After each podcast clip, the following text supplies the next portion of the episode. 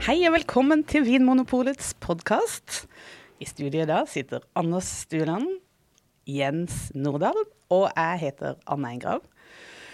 Og vi skal ha en ny historieepisode i dag. Takk og pris for det, for dette, her er det mye som eh, skal skje. Vi er kommet til 1960-tallet. Eh, Jens, kan ikke du settes inn i Du er liksom eh, Du er den eldste her i studio, er du ikke det? Jo, jeg er det. Har runda 50. Det er helt forferdelig. Så, så du, kan ikke du settes litt inn i, i tidsånden på 60-tallet? Ja, Husker du 60-tallet? Nei, jeg er født i 1970. Så, men altså når vi blar oss tilbake i historien nå, så er det jo sånn at verden på 60-tallet begynner å bli gjenkjennelig. Altså Vi har jo stussa over mye rart som har skjedd tidligere, og vi, har, vi, skjønner ikke helt måten å drive business på, kanskje å tenke politikk og den type ting. Men altså 60-tallet blir jo et veldig sånn eh, forvandlingstiår, metamorfose, ikke sant? fra larve til sommerfugl, på en måte. Verden blir gjenkjennelig, vil jeg si. Eh, det er mye, mye, spennende som skal skje. Eh, men også, du sier her, Anne, tidsånden jo, ikke sant. Altså, det er jo Khrusjtsjov som holder på i, i Sovjetunionen. Eisenhower er president i USA, ikke sant. Det er kald krig, det er Cuba-krise etter hvert og alt mulig sånn. Eh, Russland, eller Sovjet, da, har jo et teknologisk eh, forsprang på eh, USA ved å sende da verdens første mann ut i verdensrommet. Det er egentlig akkurat 60 år siden nå. altså Gagarin var første mann i verdensrommet. Han ble da sendt én gang rundt jorden. Vet dere hvordan det gikk med Gagarin etter at han kom tilbake igjen til jorda? Eh, han eh, spiste kålruletter og Han må jo ha Dro ut på Datsjaen. Ja. Eh, han kom fra en han var en enkel mann fra enkle kår, sies det. Han eh, fikk jo selvfølgelig voldsom berømmelse. Det ble vanskelig for han å takle. Han begynte å drikke brennevin, og så gikk det nedenom og hjem. Og jeg hadde tenkt å si det, men jeg tenkte det er for forutsigbart. og så var han i et jagerfly uten at det er noen sammenheng med, med, med brennevin. Altså, men så styrtet han da og døde allerede i 68 eller noe sånt. Så det var jo en tragisk skjebne. Men altså, igjen, det er som Ikaros. Til, ja, faktisk. Altså, ja. Dette er jo Ikaros. Uh, virkelig. Altså, han som fløy for nærme solen med voksvinger og styrte rett i bakken. Uh, så stakkars Gagarin minner oss faktisk på uh, hvorfor det er så viktig med et vinmonopol. Det går gærent hvis uh, brennevinskonsumet blir for høyt. Men for en effekt det må ha hatt. De sender folk ut i verdensrommet. Altså, det må jo ha vært en voldsom eh, sånn tro på fremtida og eh, altså, ja, For en selvfølelse det må ha gitt. Og ikke rart at Kennedy etter hvert begynte å satse på dette romprogrammet sitt og skulle få verdens første mann på månen. ikke sant? For her hadde jo Sovjet et voldsomt eh, forsprang på USA. Ja. Gagarin selv han var jo faktisk litt bitter. Han sa jo det.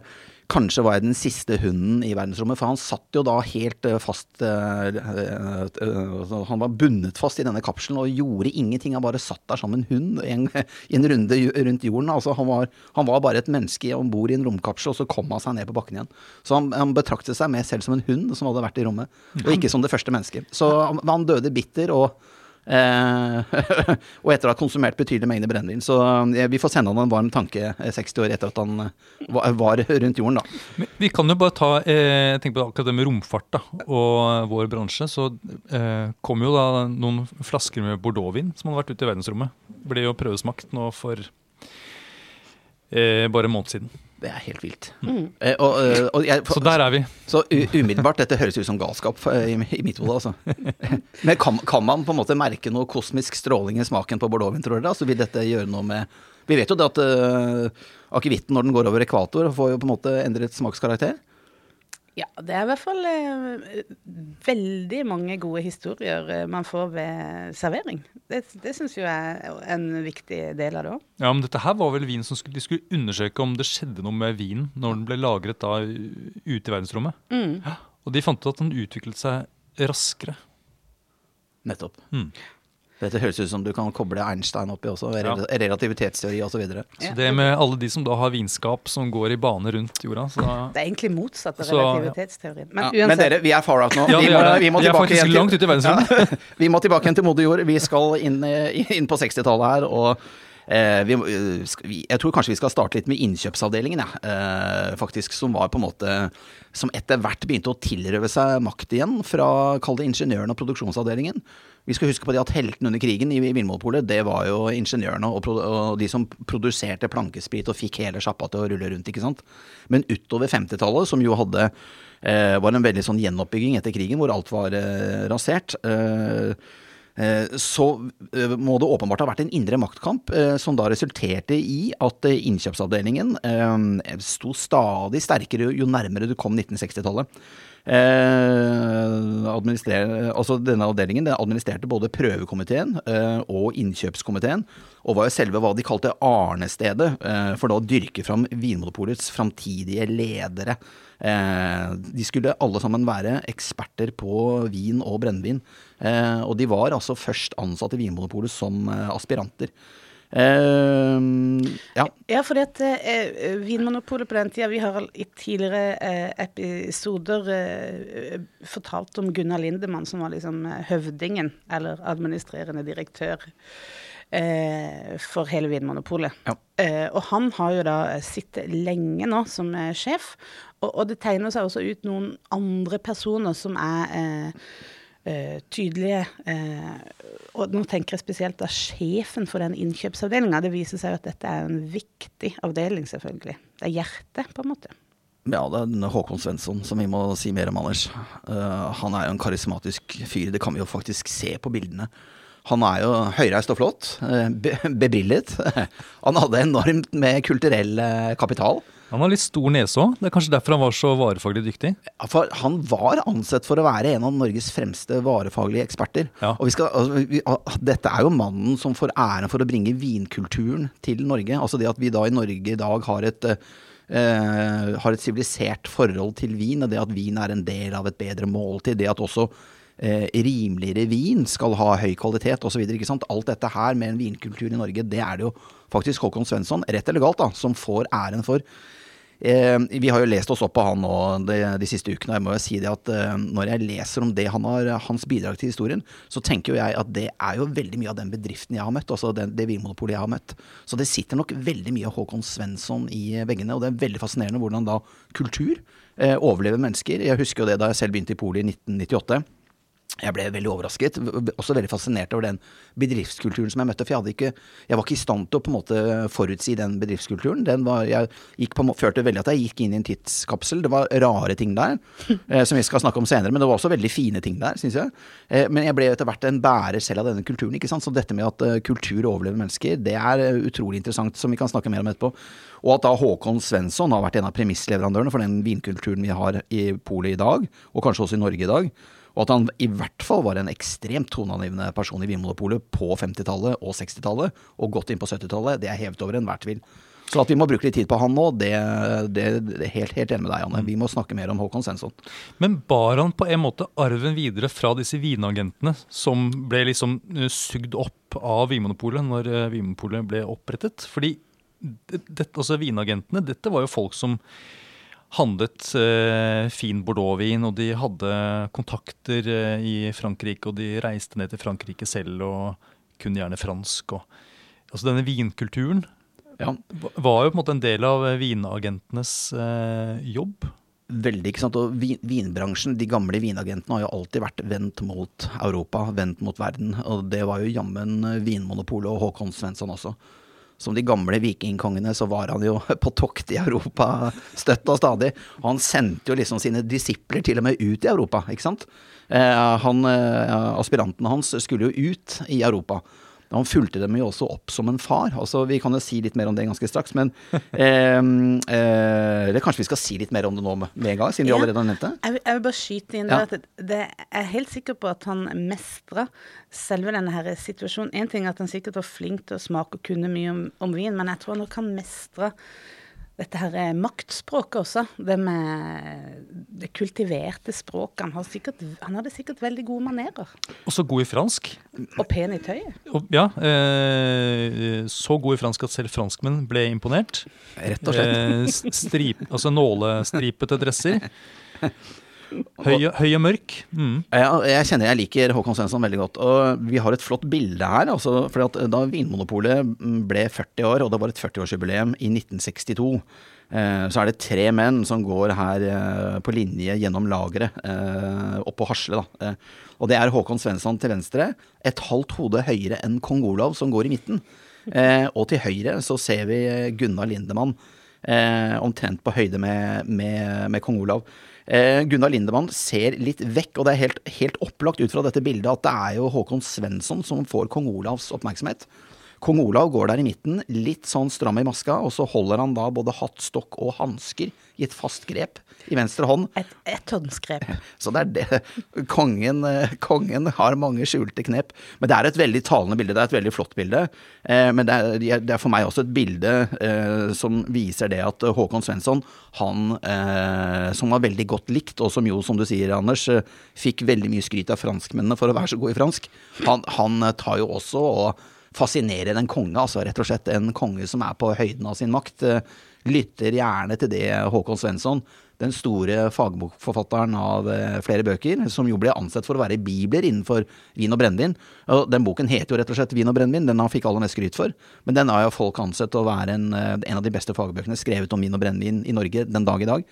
Håkon Svensson han fanget også kong Olavs opp oppmerksomhet, som kan det nesten se ut som den mest naturlige ting her på dette bildet, altså. Ja, det er et stilig bilde. Det må jo gå inn i, i vår eh, historiebok. eh, Det er helt klart. Eh, Ja, helt, helt opplagt, altså. Så Men hvordan var det han jobba? Ja, En gang til. Hvordan var det han jobba, Hans Svensson? Han, han rekrutterte aspiranter, sa du. Ja, han gjorde det. Eh, og det var, skulle bare være unge menn. Og, og dette ja, og, og, det, og, her, og hårene reiser seg litt nå også. Vi, vi får bare avsløre nå at neste episode skal vi snakke mye om kvinnekamp, og hvordan kvinner har blitt eh, strukturelt har blitt skjøvet vekk, men også uh, fra systemet. Det er jo en, en strukturell svakhet i systemet som, som virkelig provoserer. Kanskje Svenssons eh, svakeste karaktertrekk. Det lå i tidsånden. Det lå i tidsånden, altså. Det, det, vi skal se at dette har vært ganske gjennomgående. Eh, men igjen, eh, kvinnekampen blir et tema i neste episode. Men uansett, eh, Svensson han ville ha tak i unge menn, altså for å si det litt enkelt. Det var, dette var folk fra Handelsgym, eller Blåruss, ikke sant. Han ville ha tak i unge blåruss, sikkert ganske flinke folk, og så skulle de da nærmest gå den interne Vinmonopolskolen og bli selskapets eh, framtidige ledere. ja. Og de blir kjørt inn i en, eh, en karrieremessig blindvei. Det var det de ble. Så de, de måtte være snille med dem, polet, for at de, de ødela jo alle andre framtidige karrieremuligheter. ja, de blir, de blir jo veldig gode sikkert på det, akkurat det å, uh, Og selge vin og brennevin. å selge vin og, Ja. og være i polet, men eh, de var um, De blir kanskje mindre aktuelle da, for arbeidslivet ellers. Ja, De fikk iallfall uansett spennende, en spennende utdanning i utlandet. For de blir jo sendt til eh, helt ledende, kall det vin- og brennevinsdestinasjoner i Europa. Ja, for når jeg hører om det, så er det jo, det er jo helt vilt. For, for deg måtte dette være rene himmelriket, Ja, Anders. det, ja, altså eh, At man kunne være borte da i Det var snakk nesten om, om årevis. Ja, ja, så vidt jeg forstår. Ja. Absolutt. På eh, et sånn sammenhengende kurs. Nei, det var ikke akkurat det, fordi de, de jobbet jo. De jobbet hardt. Ja. Men de, de skulle lære seg håndverket fra bånda. Altså, de skulle få håndverket inn i hendene, som det het. De skulle gå rundt i vinmarkene. De skulle delta i innhøsting. De skulle rulle tønner. De skulle stikke om vin. Eh, De skulle skille ut bunnfall, de skulle vurdere utvikling, de skulle blende og blande og herje og stå i. Og, de, de, og det skulle være hardt kroppsarbeid, så de, liksom, de, dette skulle de kjenne, altså. Ordentlig. Ja. Jeg liker det litt òg, jeg. Ja da. Ja, virkelig. Også, og de blir jo sendt da, til fantastiske destinasjoner. Og her er jo dere mye bedre enn meg, da. Men altså, det var jo konjakk og porto. Det var ikke minst handelshuset i London, og, og selvfølgelig whiskydestillatører i Skottland.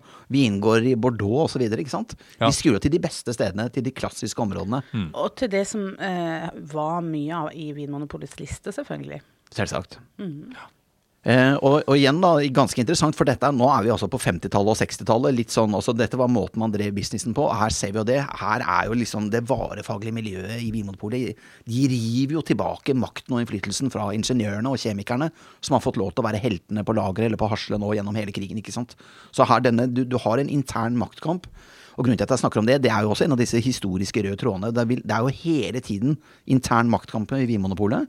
Eh, etter hvert, også når vi kommer utover mot slutten av 60-tallet, begynnelsen av 70-tallet, så er liksom kjemikerne og, og ingeniørene litt mer ute av det. Og det kommer økonomene inn, ikke sant. Og så blir det de som vin, vingutta må, må kjempe mot. Men det er, det er veldig interessant å se hvordan Vinmonopolet alltid har vært en så stor bedrift at du har rom for intern maktkamp i, i bedriften.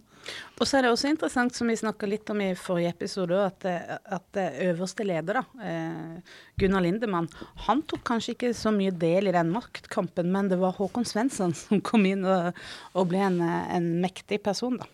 Rett og slett. Eh, jeg tenker jo liksom litt på det, da. At uh, Vinmonopolet altså En ting var at man da lagde en karrierevei for egne, unnskyld, egne ansatte. En annen ting var at man knyttet ekstremt verdifulle kontakter uh, i Europa. Vi skal huske på at dette her er jo altså Vin- og brennevinsmarkedet i Norge fungerte på en helt annen måte da enn det gjør nå. Etter delingen av Vinmonopolet i 1996 så har jo ikke Vinmonopolet noe med å gjøre noe med import å gjøre og den type ting. Altså Dette er det jo nå vinimportører, ikke sant? brennevinsimportører som håndterer. Dette var etter delingen av, det gamle Vinmonopolet i 1996 som følge av EØS-avtalen. Um, uh, sånn at Vinmonopolet hadde jo da en, på en måte en totalpakke. Da. Altså de hadde jo mye mer kontroll over logistikken i gamle dager. Så her drev jo Vinmonopolet, det gamle Vinmonopolet, de drev jo og bygde opp en voldsom kontaktnett i Europa. Og de var jo litt sånn som uh, som, jeg, som, man kan kalle sånn uh, The Spider in the center of the web. Altså som edderkoppen i midten av nettet sitt. Og nesten litt sånn som logoen vår. ikke sant? At, at vin, mm. Vinmonopolet var veden. At, at, de var, at de var litt i litt uh, Satt og regjerte i midten av edderkoppnettet sitt. Så jeg opplever at denne måten å drive business på, den var veldig langsiktig. Både med tanke på intern lederrekruttering. Dette er Rosenborg-modellen. altså Dette er Nils Arne Eggen, ikke sant. Nils Arne Eggen var jo en uh, lagerbygger av rang, og han ville jo med Rosenborg-modellen så betyr det at han hentet jo inn uh, lokale fotballtalenter. altså Nils Arne Eggen, den legendariske fotballtreneren til Rosenborg.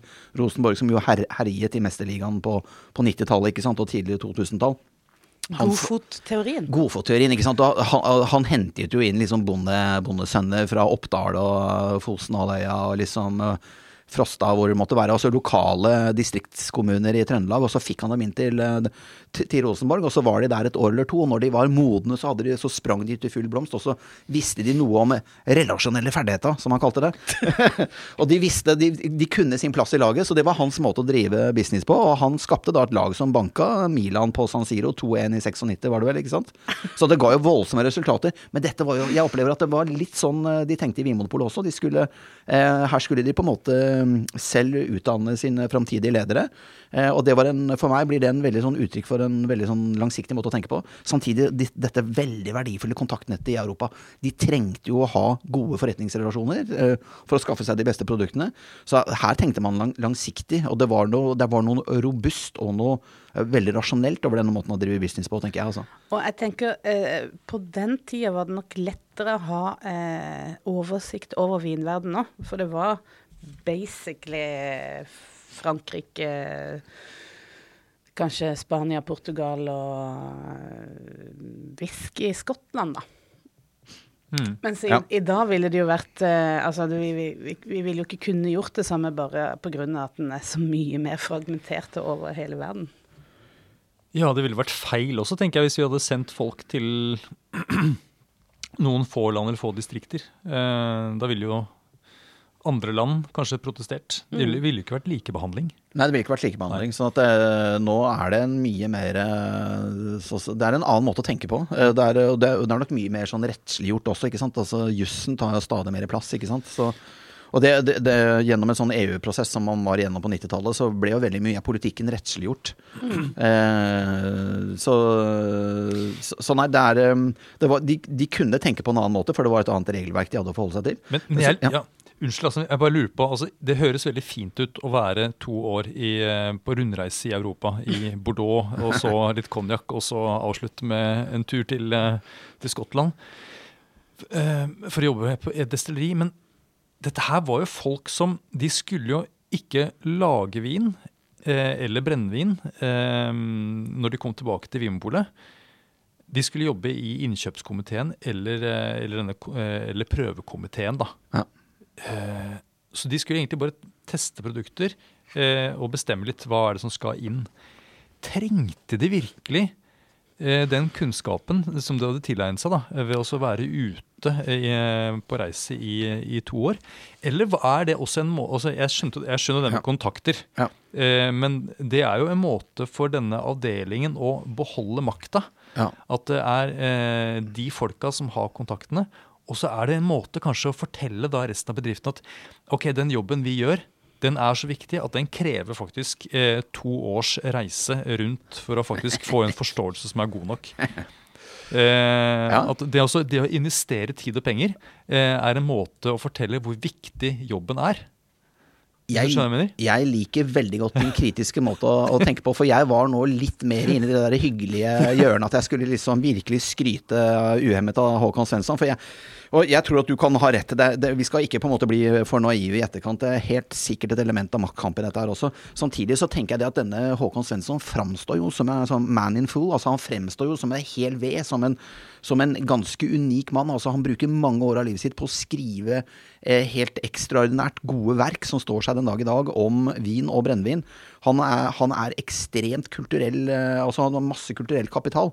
Han snakker, som du sa i sted, Anders, altså han snakker fransk så godt at han imponerer jo utlendinger. Altså dette er en mann som liksom går utenpå de fleste. Så det kan godt hende at han også har eh, så høye standarder at han tenker at dette, at, at tenker at dette er den riktige måten å, å gjøre det på.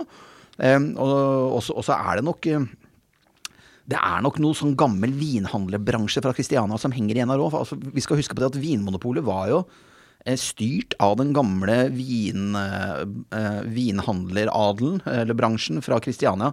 Egentlig fra starten i 1920 og egentlig helt fram til sånn rundt 1970. Altså de, selskapets 51. år. Eh, så var det jo den gamle vinhandlerbransjen som, som satt med tømmene mer eller mindre, faktisk. Mm. Sånn at uh, her er nok flere, flere, forklaringer, men det er helt opplagt et, et element av intern maktkamp. Du overbeviste meg om det i sted, altså. Helt klart. men uh, skal vi bare ta en liten uh, sidehopp til akkurat hvorfor de valgte disse områdene? Vi var jo inne på det eh, at vi skal dra til eh, De skulle sende da, disse aspirantene til klassiske områder som eh, solgte godt i Norge, og som man hadde representert i Norge. Ja. Det var da først og fremst champagne, Bordeaux, konjakk, Portugal og eh, Skottland for portvin og whisky. Ja, også litt Jerez. Også litt sherry. Ja, sherryområdet sherry i Spania. Yes. Mm. Og og det du lurer på, Anne, er hvorfor i all verden er det, er det dette som har blitt de klassiske områdene? Ja, det er det jeg lurer på. Ja, og det er jo kjempespennende. ikke sant? At, og dette blir jo litt spissformulert, da. Men altså, svaret er noe så kjedelig som Jo, det er jo transport og logistikk eh, som er svaret på hvorfor dette har blitt de klassiske eh, områdene. Og så Da må vi modifisere oss eh, litt allerede. da, for Selvsagt så handler det om at man har ekstremt gode produksjonsforhold i både Bordeaux og Champagne. Og selvsagt så handler det også om at eh, Bordeaux og champagne er gode eksempler på viner som blir bedre av å lagres. Men når det er sagt, eh, grunnen til at disse klassiske stedene ble klassiske, så vidt jeg forstår, eh, det er fordi at eh, eh man kan jo egentlig produsere vin overalt i Europa, da. Altså det, det, det er et klima til å kunne produsere vin overalt. Eh, men det å kunne frakte vin i store mengder, i hvert fall litt sånn i historisk tid, det var ikke så enkelt, og da måtte du ha tilgang på en havn. Da måtte, ligge, da måtte det være en havneby, ikke sant. Du, for du kunne bare få det på båt. Altså, dette var jo lenge før jernbane. Dette var jo lenge før det var noe særlig veier, ikke sant. Dette var jo mens eh, naturen var, på landjorda egentlig var et stengsel. Og da var jo veien, eh, unnskyld, da var jo vannet den beste veien, eller den beste måten å få frakta disse, eh, disse tunge varene på, da, rett og slett. Um, og vi skal da huske på at i Bordeaux, det er jo en havneby. Porto er jo en havneby, ikke sant. Og i Cognac har vi lært oss at eh, det er elven Charant, eller Charent. Er ikke Charant, ja. Er Charant, ja. Som er selve livsnerven, ikke sant. Så jo, vannet er jo her en forutsetning for å få vinen ut i verden. Eh, og først og fremst da eh, de britiske øyer. Altså det er britene ja. som er Det var et stort marked. Ja, og britene var jo også De, var jo, de behersket jo skipsfart. Og de var, jo, de var jo verdensledende makt veldig lenge på den tiden, ikke sant? Mm. Jeg syns det er interessant, for dette, som du sier, ja. det er jo i, eh, sånn, et belte rundt av ja. Middelhavet og litt nord, så Eh, så er det jo veldig mye vinproduksjon. Det ja. lages vin mange steder, men det er noe vin som er blitt berømt. Ja. Og så tar det sporet litt lenger og sier den vinen som er blitt berømt, det er den som har fått vinen sin ut i verden. og først og fremst da til England. Og den vinen som kom til England, den drikker vi i Norge. det er litt Ja, men det er nesten så enkelt at, at, det handler egentlig om eh, logistikk. At det er egentlig logistikken som har definert hvilke områder som er regnet som eh, de beste vinområdene og de klassiske vinområdene. Og fremdeles er det jo egentlig sånn at disse mm. områdene er, henger, eh, henger, høyt. da. Det er det, vet du. Og det er jo, vi må legge til her, altså Fram til 1600-tallet så ble jo nesten all vin laget i Europa eh, drukket lokalt. Der hvor den ble produsert. Ja, Fylt opp i geiteskinn og drukket eh, på På taverna. Og, og dette var jo før man hadde glassflasker også, ikke sant? sånn at det var, det var dårlig holdbarhet på vin. Ehm, og det var vanskelig å transportere den. Men så eh, er det jo slik at engelskmennene, som du sa i sted her, Anders, men også nederlenderne, de lager jo handelsruter rundt omkring i Europa, ikke sant. Og det er når disse handelsrutene er etablert på 1600-tallet en gang, og da følger jo eksport av vin, og det, vinhandlerbransjen følger jo da ganske raskt etter at disse handelsrutene er etablert, altså på 1600-tallet en gang. Eh, og, og da får du jo på en måte et nettverk for distribusjon av vin i Europa som følge av der hvor du har båter og tilgang på havn og alt mulig sånn. Og så følger altså Vinmonopolet følger jo da i disse opptråkkete handelsmannssporene f- som nederlenderne og britene da setter fra 1600-tallet en gang. Eh, jeg eh, jeg syns det er ekstremt fascinerende eh, at vannet eh, og skipsfart og havner og nærhet til sjø eh, har hatt så mye å si for utviklingen av, av samfunnet. Eh, og det er, jo, det, er jo, det er jo Helt fram til vår tid så er det jo egentlig da vannet, eller det er sjøen, havet. Det er havet som har bundet eh, verden sammen, og ikke landjorda. Eh, Spesielt viktig for oss kanskje her oppe i nord. ja, for dette bringer oss til en ny digresjon, eh, og vi greier ikke å holde munnen. eh, og det, altså, det, er, eh, det er skrevet om dette her i norske bøker av relativt ny dato. Vi, vi må få lov til å skryte av en forfatter som heter Tor Skeie. Han har skrevet en bok om, om hvitekrist. Den handler om Olav den hellige. Og vi skal altså til Norge da rundt ø, årtusen, ikke sant. Og hvordan Norge da blir en Altså, eh, det Olav den hellige holdt på med, er jo egentlig å samle Norge til et rike. Eh, men for å få til det, så må han jo da eh, ha mye skatter. Altså han må ha mye rikdom, som han kan kjøpe opp store Det er måten han, han, eh, han greide å få tak i støtte på, var at han hadde veldig mye sølvskatter som han hadde vært rundt omkring og røvet i Europa. Så reiste han rundt da, med, med hele administrasjonen sin. Dette var lenge før Norge hadde noen hovedstad. Altså, hovedstaden var jo der hvor Olav den hellige til enhver tid befant seg, med en sånn diger entourage. Altså, da hadde han med seg liksom hundrevis av ryttere. Og så reiste de rundt da, med alle disse enorme sølvskattene som han hadde vært da basically, kanskje i Storbritannia og røvet. Men han hadde vært i eh, Frankrike, i Rouen, og han hadde vært andre steder og røvet, eh, også i Spania. ikke sant? Så de hadde jo en voldsom evne til å eh, forflytte seg i Europa. Eh, Olav den hellige skal visstnok ha vært i hvert fall en tredjedel av livet i utlandet. Altså Han var, han reiste, han var ekstremt internasjonal. Uh, og grunnen til at vi snakker om dette, det er fordi at uh, Grunnen til at jeg fikk til dette, er, sånn, er selvfølgelig fordi at vikingene var jo antagelig verdens beste båtbyggere i sin tid. ikke sant? De behersket jo sjøen. De kunne jo være ute på ganske Eh, ganske krevende sjø, altså med høye bølger og alt mulig sånn, med, med skipene sine. De kunne forflytte store mengder varer, og de kunne forflytte store mengder tropper veldig raskt. De var vanskelig å høre, de var seilbåter, ikke sant. Du, det var ikke noe motor her, det, det vet vi jo godt. Så de, de, de hadde jo sånn hit attack, altså de kom de, Plutselig så bare var vikingene der, eh, og kunne røve. Eh, og jo, men det var sånn de holdt på. Så igjen, altså her men, men, og igjen, det var, jo, det var jo det at vikingene behersket vannet. Det var det at de hadde teknologi til å forflytte seg på vann. Det var det som gjorde at de var, eh, var så suksessfulle krigere. Eh, 500 år da, før engelskmennene og nederlenderne etablerte disse handelsrutene. Så det å beherske vann, det å forstå vann, det å ha, te det å ha teknologi som gjør at du eh, kan bruke vannet til din fordel, det vil jo helt klart legge store og helt avgjørende føringer på utvikling av sivilisasjon, eh, på utvikling av økonomi, på utvikling av samfunn. Og dette er jo da Vi har snakket om det i tidligere episoder her i podkasten, særlig kanskje eh, episode nummer én, ikke sant, fra Pest i Pol, hvor vi snakket om skjulte historiske spor. Altså dette her med skipsteknologi, dette med dette med å, å beherske vannet og, og ha gode båter som kjører, på, eh, kjører på, på, på havet, og ha god eksport med båter, en veldig veldig tydelig forutsetning for hvordan vinmarkedet fungerer i dag, og hvorfor da enkelte områder har fått veldig veldig høy status. Eh, og bare nevner, Hvis jeg ikke allerede har nevnt det, ikke sant? men altså dette her er med Eh, hvis, hvis vi da er på landjorda, vi forstår det jo nå veldig godt i etterkant, ikke sant? men eh, hvis vi da er 500 år tilbake i tid, eller 1000 år tilbake i tid, myrer, skoger, elver, fjell, isbreer, daler, alt dette var jo stengsel, ikke sant? man kom seg ikke videre. Du kjørte vogna fast i myra, så sank den, ikke sant, ferdig snakka. Eh, jo, men altså, det, du, det var en isbre, du kom deg ikke over. Eh, det var en diger elv, det, altså, du, du, du, den kunne ikke passeres før det var en bro der. Også, det, var, det var havet, det var fjordene, det var elvene, det var det som bandt vannet, verden sammen. Ekstremt fascinerende. Kan jeg komme med en digresjon til, da? Eh, som, Snakker som, vi digresjon tre? ja, som jeg tenker liksom dette med eh, transport av eh, vin og brennevin på, på sjøen, og hvordan det kan knyttes til eh, hvordan ting har utviklet seg her i Norge. Og da tenker jeg på et sånt særnorsk produkt, eller ganske særnorsk, da. Eh, Akevitt. Fordi eh, Norge importerte jo mye eh, sherry fra Spania. Og det da, ble skippet opp på, på tønner. Og så ble disse tønnene tømt, og så tapp, så skjermen ble tappet opp på flaske. da, eh, På Vinmonopolets anlegg. Og da satt man igjen da med masse tomme sherrytønner. Og hva skulle man bruke det til? Jo, fylte det, da fylte man akevitt på disse sherrytønnene. Og det, det liksom skapte denne tradisjonen med eh, at norsk akevitt eh, skal ligge på fat, og det er gjerne sherryfat. Gøy. Det er veldig Jeg føler at verden, eller verdenshistorien nå, i hvert fall fra vårt perspektiv, pusles sammen. Ja. Sakte, men sikkert, brikke for brikke. Vi er en del av verden. Men også når jeg så på disse, altså, tilbake til disse aspirantene Ja. eh, Det er jo nesten noe sånn, en sånn laugsmentalitet også. Er det ikke sånn eh, Håndverkslaug i nedover Europa, annet i Tyskland, eh, har jo fremdeles en sånn ordning at de, at de skal ut når de er i lære.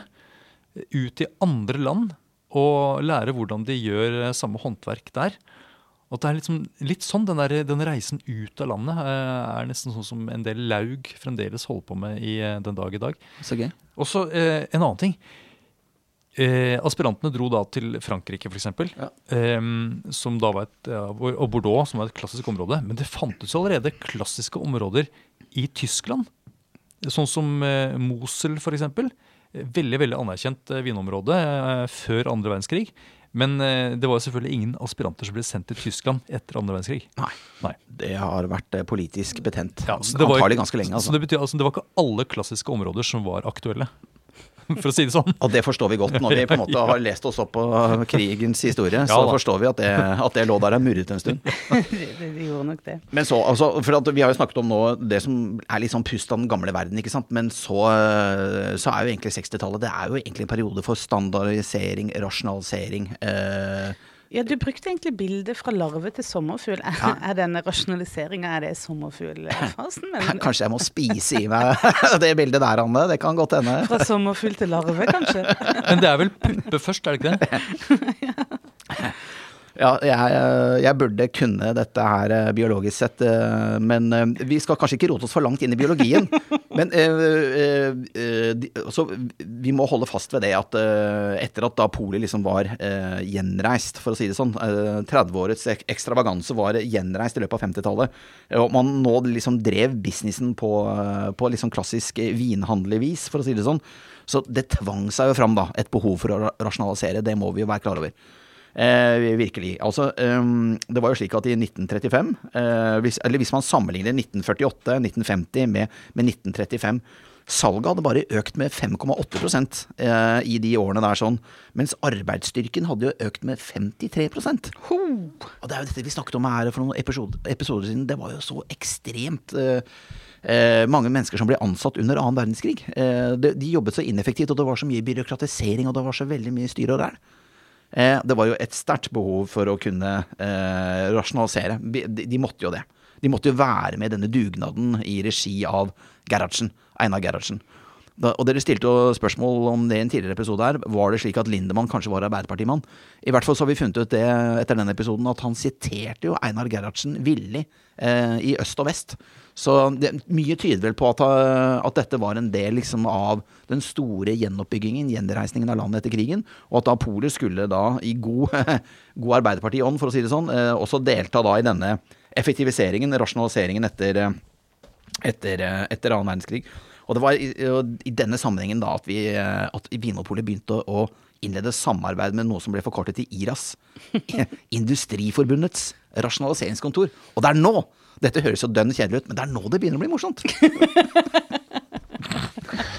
Anders, vil, vil du, vil du, skal du ha gleden av å fortelle? Eh, Hva gjorde Iras? Ja, altså Vinmonopolet hadde da et ønske om å gjøre ting mer effektivt. Ja. Ehm, og da eh, det bedrifter eh, fremdeles gjør når de skal gjøre ting mer effektivt, er jo å leie inn konsulentbyråer som da skal liksom ettergå alle rutinene i bedriften, og, og da se om det finnes noen måter å gjøre ting annerledes på. Ja.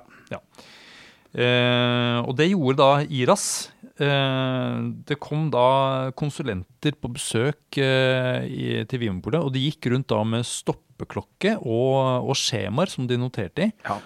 eh, og fulgte da liksom alle prosessene Ja, eh, internt i Vinmonopolet for å se om det var et eller annet de kunne knipe innpå. rett og slett. Ja, det var en, en grundig, eh, et grundig arbeid. Mm. For de som har sett er sikkert veldig imponerende. Nå Eh. kommer Iras. Iras-mennene i sine Iras-dresser med Iras-skjemaer og Iras-stoppeklokker. ja, om, om man da ble litt redd, eller om man ble litt lattermild, kanskje. Tenk så ekkelt å sitte, sitte og gjøre jobben sin, og så står det en sånn eh, mann med stoppeklokke over skulderen. For, for, de, for de av oss som har sett eh, Nei. Bent Hamers film, eh, 'Salme fra kjøkkenet', ikke sant? Mm. den er noen år gammel, da, men den handler jo om dette måle... Eh, måleregimet som da blir innført eh, i skandinavisk forskning sånn på 50-tallet og 60-tallet en gang, for å effektivisere.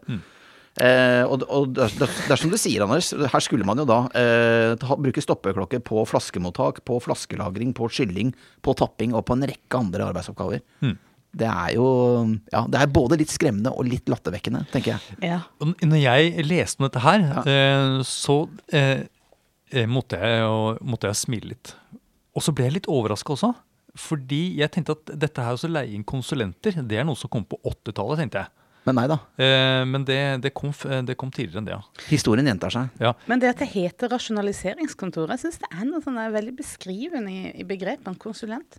Det, det sier meg liksom ingenting. Men en rasjonaliseringskonsulent Mm. Men jeg tenker, altså ehm, Det det står på i, i sånt, eh, sånn type arbeid, Ja. er jo egentlig hva man bruker eh, liksom resultatene eller en sånn rapport til. Eller, eller hvordan den rapporten ser ut. Ja, kanskje. Hva fant Iras ut av da? Hva, hva ble resultatet? Jeg, jeg brenner jo etter å si det, og jeg syns jo dette er så morsomt. Men altså den rapporten som IRAS skrev, altså som Industriforbundets rasjonaliseringskontor da skrev til Vinmonopolet, den var jo så tungt formulert, den hadde så krevende språk, at Vinmonopolet brukte jo veldig veldig mye tid og ressurser på rett og slett å forstå hva som sto i rapporten. Det var altså et konsulentspråk av en annen verden. Eh, og Det er jo ikke særlig effektivt. og det er vel litt sånn derre altså svada-språk som man kanskje Som konsulenter blir på en måte beskyldt for den dag i dag, da. Men altså dette var jo noe Det var visstnok ekstremt vanskelig å trenge gjennom eh, den språklige barrieren i denne rapporten, da, som de, de Vimopolet da fikk på, på midten av 50-tallet en gang. Eh, men når de til slutt hadde knukket koden, og de, forsto hva IRAS eh, egentlig rådet dem til å gjøre, så var jo da dommen fra teknisk avdeling den var jo minst like hysterisk morsom. Ja, fordi eh, eh, en del ting hadde jo allerede Vinpolet tenkt på fra før. Og vurdert og forkastet. og forkastet. Ja. Eh, og de, de, de andre rådene som IRAS foreslo, de var jo helt praktisk eh, umulig å gjennomføre. Det lot seg ikke gjøre, rett og slett. Så det, det var jo bare tull. sånn at det, dette ble jo en sånn form for sirkelargumentasjon. Altså, det brakte dem ingen vei. IRAS solgte Vinmonopolet eh, vin, eh, Vinmonopolets egen kunnskap. Altså Man fikk kun sin egen kunnskap resirkulert i et veldig veldig tungt og ugjennomtrengelig konsulentspråk tilbake. Det er jo det er frekt som faen. Unnskyld uttrykket, men dette er jo, dette er jo frekt, altså. Åh, jeg blir liksom litt sånn oppgitt. Man vet ikke helt om man skal le eller gråte. Men jeg, jeg får litt sånn Noen ganger så kan man tenke at det er litt sånn det fremdeles er. Men det er kanskje sånn satt på spissen, da. Det er nok litt satt på spissen. klisjeen. Det er klisjeen, øh, og vi skal understreke det. Det er selvfølgelig ikke alle konsulenter som, øh, som er sånn, men det er jo også det er jo, og, selvfølgelig skal man noen ganger få et friskt blikk utenfra på en intern ting. Eh, Men det er jo også sånn at det ligger jo mye kompetanse inhouse. Altså, det må man jo ikke, ikke glemme på, på veien her. Så det er som du sier, Anne, det er nok en myte. eh, Men vi greide ikke å la være å gjøre noe annet enn å le litt når vi leste om disse IRAS-konsulentene som skulle ta polet med storm på, på, på slutten av 50-tallet. Men, men, men IRAS ja. de pekte også på noen eh, altså, ting som Vinpolet kunne gjøre annerledes for å gjøre ting mer effektivt, Ja, som ble diskutert videre. Ja. Ja. Det, og det kom etter hvert. Ja. Eh, og det kan vi jo for så vidt egentlig snakke om nå. Eh, men eh, bare nevne som en liten parentes her, før vi styrter videre til neste tema, som skal handle om kurv eller kasse. Eh, mer om det straks. Men altså, det, Kurve eller kasse? det vi i hvert fall skal si, da, er at også mens arkitekturen og store, vakre maskiner hadde fått veldig mye oppmerksomhet på 30-tallet og 40-tallet, så var jo uansett det at man nå begynte å snakke om produksjonsforhold og effektivitet, du, satt jo mennesket i sentrum. Så dette her gikk jo sakte, men sikkert i en mer sånn menneskevennlig retning. Eh, de, de, kalte det, de, kalte det, vel menneskeressursen eller et eller annet sånt. Og den viktigste ressurs vi har, er menneskeressursen. Så de, de sa det, vi, vi, må nå liksom gjøre hva vi kan for å få mest mulig ut av eh, den, den, viktigste ressursen vi har, nemlig folka våre. Så dette var uansett et knepp i litt sånn, kall det varmere, mykere, mer menneskevennlig retning, da. Så vi skal ikke glemme det, altså. Eh, det var mindre maskinfokus, mer menneskefokus, og det er en bra ting. Ja. ja. Strengt tatt er det det. Strengt tatt, men så, Anders. Kurv eller kasse? Ja.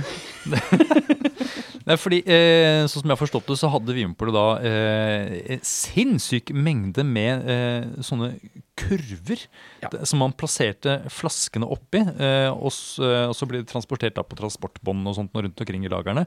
Men det skulle også stables men også eh, ute i butikk. ikke sant? Da ja. kommer jo varene antagelig i kurv. Da. Ja, for man bar ikke én og én flaske i hånda eller, eller, mellom fingrene. Man måtte ha disse kurvene. Det var, dette var en verden før kassen. Altså Varene var da ikke transportert i kasse, bare så vi hadde det helt klart for oss. Ja. Det var, dette var før kasse, dette var i kurv. Og kurven var jo med lave vegger og med et håndtak i midten. Ja, og laget av tre. Ja. Eh, så det er på en måte sånt eh, plank, planker på siden og planker under, og så ja. et sånt trehåndtak over. Eh, men de dekket liksom ikke De gikk ikke helt opp i flaskens høyde. Nei. Så flasken tuten på flasken, og på en måte skuldrene var, var nakne. Ja, sto, sto i friluft. Mm. Og dette gjorde det vanskelig å stable, ikke sant. Eh, du, du, hadde vel da muligheten for å ha Uh, altså Det var rader på fire, tror jeg. For jeg har sett bilder av det. Du hadde da åtte, åtte på en måte uh, muligheter til å stable flasker på venstre side av håndtaket, og åtte på den høyre siden. Mm. Og de, disse kurvene, disse rommene i kurven var ganske romslige, så du kunne da og det var veldig mye rare flaskestørrelser. Det var store flasker og firkanta flasker og runde flasker og alt mulig sånn. Og de var såpass uh, romslige, disse rommene i kurven, at du da kunne stable alt mulig rare flasker opp i denne kurven. da. Det kunne du. Så sånn, kurven var sånn sett fleksibel til å håndtere eh, veldig forskjellige flaskestørrelser, og det var en bra ting med tanke på det mangfoldet av av flasker som var på markedet ja. tilbake igjen da. Men de måtte bæres rundt for hånd, og, ja. eller settes på et sånt transportbånd. Um, og, og, de kunne da ikke uh, på en enkel måte stables oppå hverandre. Nei, og det var veldig ineffektivt. Ja, det, det, skjønner vi jo. Ja, og dette var en tid hvor liksom gaffeltrøkk var i ferd med å komme inn som et, eh, en, en, nyttig maskin, eh, mente IRAS. Eh, og det samme gjaldt liksom paller og sånt. Så de, de mente da at hvis Vinpolet gikk over til noen ordentlige kasser, så kunne man stable kassene oppå hverandre, og gjerne opp på paller, og så kunne man kjøre det rundt med gaffeltrøkk. Og da ville ting være mye mer effektivt. Det kom etter hvert. Eh, rett og slett, altså. Eh, uansett så var det jo en lang diskusjon i bedriften eh, om man skulle ha eh, kurv eller kasse. Eh, det var det. Jeg tenker at det virker ganske innlysende at man skal ha kasse. Jo, men det som skjedde først, det var at Ira sa at eh, gå for kurven. Den, de, de, merkelig nok så den første, ja, stemmer det. Den første, den, det første rådet fra Iras var at man selvfølgelig måtte ha, måtte ha kurv, men at man kanskje kunne få en rasjonaliseringsgevinst ved å standardisere flaskene. Altså at alt sammen skulle være ganske like flasker. Og at man heller da kunne ha differensiert design i forhold til etiketter.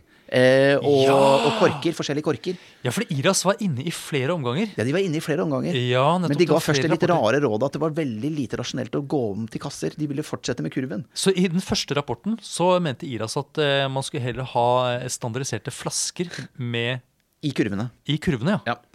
Uh, uansett så skjønte jo da uh, ulike miljøer i Vinmonopolet at det var veldig lite effektivt med kurver. Altså det, dette, altså det, det var tungt å løfte, ikke sant. Altså det, var, uh, det, kunne ødelegge rygger, og det var tungt for knær og for hender og alt mulig. Det var mye, nei, mye manuell bruk av, av, kroppen, rett og slett, for å løfte på alt dette her sånn.